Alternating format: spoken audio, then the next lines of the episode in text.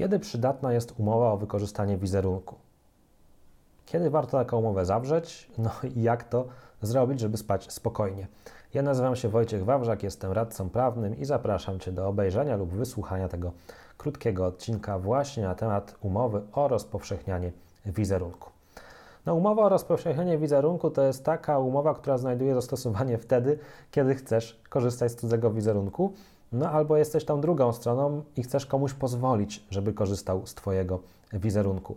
Z wizerunku, czyli z utrwalenia Twojego wyglądu najczęściej, czy to w postaci zdjęcia, czy to w postaci filmu, czasem również w postaci głosu, bo mówi się również, że istnieje coś takiego jak wizerunek mm, głosowy. No jeżeli chcesz korzystać z tego wizerunku albo chcesz komuś pozwolić na korzystanie ze swojego wizerunku, to możesz albo udzielić jednostronnej zgody, albo zawrzeć umowę o wykorzystanie wizerunku. Takiej umowie o wykorzystanie wizerunku, po pierwsze, no, trzeba określić, o czyj wizerunek chodzi, no i można również doprecyzować, w jaki sposób on został utrwalony. Czyli, że na przykład chodzi o wizerunek Jana Kowalskiego utrwalony na zdjęciach wykonanych podczas sesji fotograficznej w dniu takim i takim, albo o wizerunek utrwalony na zdjęciach, który Jan Kowalski przekazał drugiej stronie za pośrednictwem maila czy jakiejś chmury w taki i w taki sposób. Zawsze warto doprecyzować, o jakie dokładnie materiały chodzi, żebyśmy w przyszłości nie mieli wątpliwości, choć można również poprzez takiej ogólnej zgodzie na rozpowszechnianie wizerunku konkretnej osoby bez wskazywania, na jakich materiałach ten wizerunek jest utrwalony. Wtedy będziemy mogli argumentować, że chodzi w ogóle o wszystkie materiały zawierające ten wizerunek, aczkolwiek ja zawsze doradzam klientom, żeby jednak starać się to precyzować dla pewności. No jeżeli już wiemy, jakiego wizerunku ta umowa dotyczy, to przechodzimy do sedna tej umowy, czyli do tego, w jaki sposób ten wizerunek będzie eksploatowany. Gdzie będzie eksploatowany, w jaki sposób, w jakim czasie. W prasie, w telewizji, na stronach internetowych, na billboardach, w drukowanych ulotkach.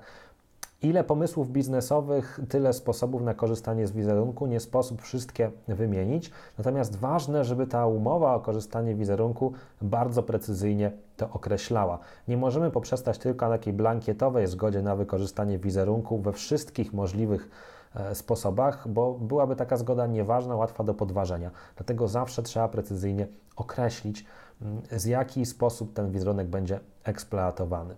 No jeżeli wiemy już o jaki wizerunek chodzi i wiemy już w jaki sposób będzie eksploatowany, to jeszcze trzeba się zastanowić w jakim czasie. Czy my chcemy tą zgodę mm, jakoś ograniczyć czasowo, czy uczynić ją bezterminową.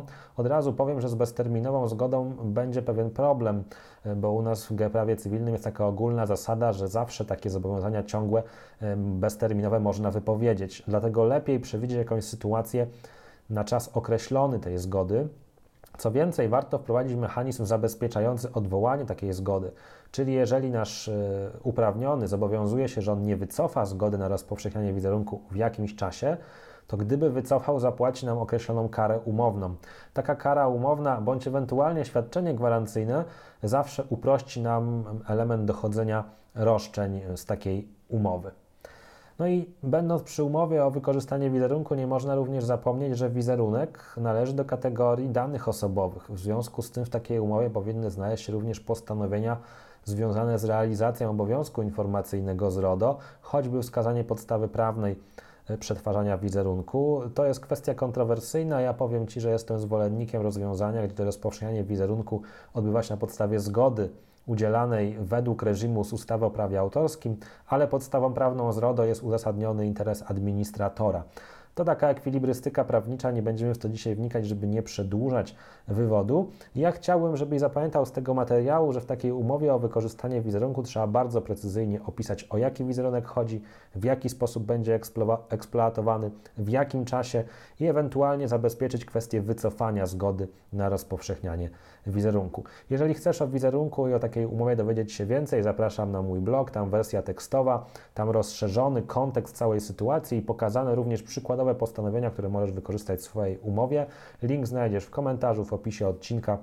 Śmiało częstuj się smacznego. A jeżeli szukałbyś takiego gotowego wzoru umowy o wykorzystanie wizerunku do zastosowania tu i teraz, odsyłam Cię do swojego blogowego sklepu.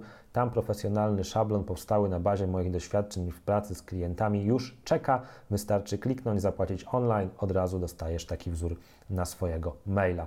Wielkie dzięki dzisiaj za uwagę. Jeżeli miałbyś jakieś pytania, uwagi, wątpliwości, napisz śmiało do mnie na maila bądź zostaw komentarz.